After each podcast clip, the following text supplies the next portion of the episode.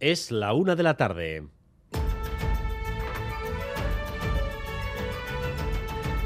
Crónica de Euskadi con Dani Álvarez. A Rachaldeón, la gente en Bilbao con Rebeca y su familia y amigos, la última mujer asesinada por un hombre en Euskadi. Es inadmisible, al final esta semana ha sido malísima y, y bueno, pues algo tenemos que hacer como ciudadanos. Damos gracias que nuestras autoridades no nos han dejado solos.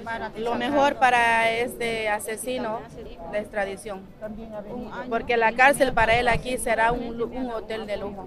sea de qué nacionalidad que sea y sea donde sea, pues no, no se puede permitir. Ningún acto de violencia debe quedar oculta. Reivindiquemos, importantísimo, la violencia hacia los niños. Paro temorizada con el temor, cuchillos por acá, navajazos por ahí. Ahora, quedamos más. Miremos por la calle. Ha sido una concentración multitudinaria con amplia representación institucional. Ane Zumalabe, Arrachaldeón.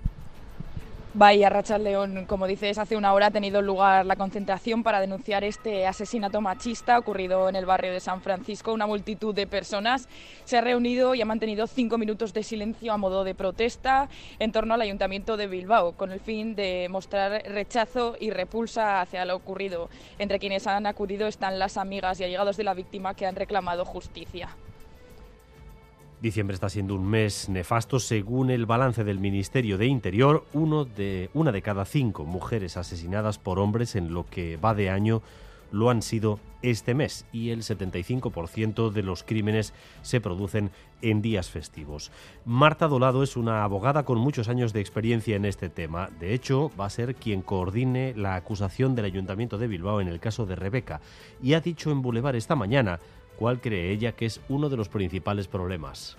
es absolutamente eh, indecente que no se tenga ninguna voluntad de coordinar los juzgados con las nuevas tecnologías que hay y eso es porque importa muy poco. Falla, lo primero que falla es el sentido común. A él no se le controla, es que a los a los maltratadores no se les controla, se controla a las víctimas y entonces bueno, pues eso es lo que pasa que cada acto de violencia se toma como un acto separado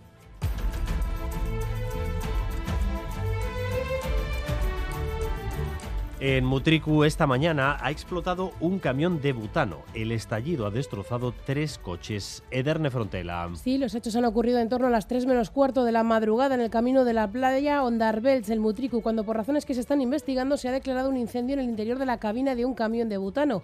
A consecuencia, el camión cargado con bombonas ha explotado algunas de ellas y el fuego de grandes dimensiones ha dejado totalmente calcinado el camión y también tres vehículos que estaban aparcados próximos a este camión de butano. Como decimos, pese a la aparatosidad del incendio, que quedaba totalmente extinguido en torno a las cuatro y media de la madrugada, no hay que lamentar daños personales.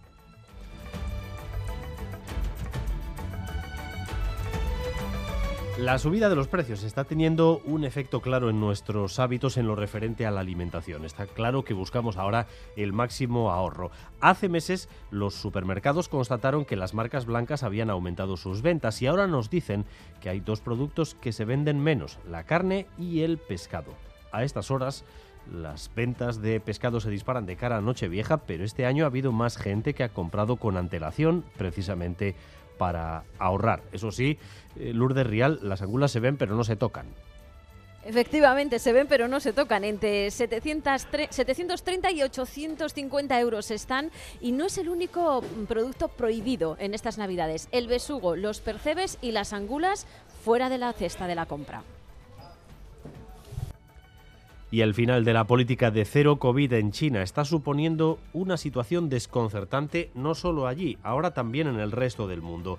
Van un año más tarde que el resto, así que la explosión de contagios supone que sus turistas expandan el virus por otros países y también que los científicos se resignen ante el hecho de que los millones de chinos que se van a contagiar sean creadores de nuevas variantes que a su vez se extiendan luego por el resto del planeta. Así que ahora China está sufriendo de su propia medicina. Muchos países exigen a los chinos pruebas negativas para poder entrar en sus territorios. Oscar Pérez. Primero fue Japón, luego Italia y esta noche ha sido Estados Unidos el que ha anunciado que toma medidas de control a los viajeros que llegan de China. Exigirán una prueba negativa de COVID a los que lleguen en vuelos directos, también a los que lo hagan con escalas. En Europa el gobierno de Giorgia Meloni ha tomado la iniciativa e Italia se ha convertido en el primer país de la Unión Europea en adoptar medidas. La primera ministra ha dicho que espera que otros le sigan ahora. Ci aspettiamo e auspichiamo che l'Unione Europea voglia fare da questo punto di vista una, eh, diciamo, voglia operare in questo senso. Esperamos que la Unión Europea actuará en este mismo sentido, ha dicho Meloni. Las autoridades italianas, de hecho, están comenzando ya a realizar pruebas a los pasajeros que llegan de China después de que hace unos días la mitad de los viajeros de dos vuelos que llegaron a Milán dieron positivo. La Comisión Europea ha convocado el Comité de Seguridad Sanitaria para que los estados adopten una respuesta coordinada. De ese comité forman parte los funcionarios de los Ministerios de Salud y está presidido por la Comisión. En las próximas horas podría haber noticia. La joven orquesta de Euskal Herria va a cerrar las actividades de, de su vigésimo quinto aniversario con una gira junto al coro Euskal Herriko Gaste Abezbatza. Iniciarán la gira mañana en el Leidor de Tolosa.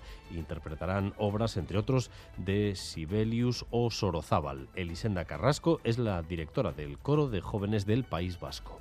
Querría destacar toda la juventud, la fuerza, el talento, la potencia de toda la gente que estará en el escenario, que sirven estos proyectos no solo para unar a nivel musical experiencias que les permitan crecer, sino potenciar a estas personas en sus carreras y en su camino profesional y humano y vamos también con lo más destacado del deporte. Vuelve la liga a César Pérez Gazola, Zarrachaldeón. León, pues sí, un mes y medio después del parón por el Mundial de Qatar y lo hace hoy con tres partidos, entre ellos el que juega el Athletic en el campo del Betis en Sevilla.